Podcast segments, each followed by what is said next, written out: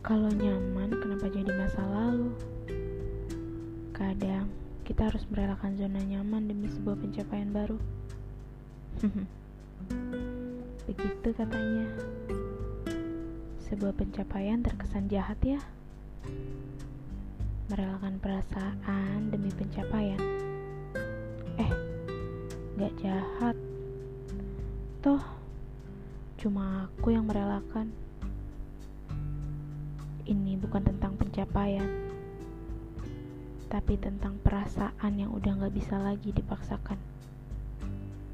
Kamu tahu, satu-satunya alasanku melepasmu karena udah gak ada lagi aku di hatimu.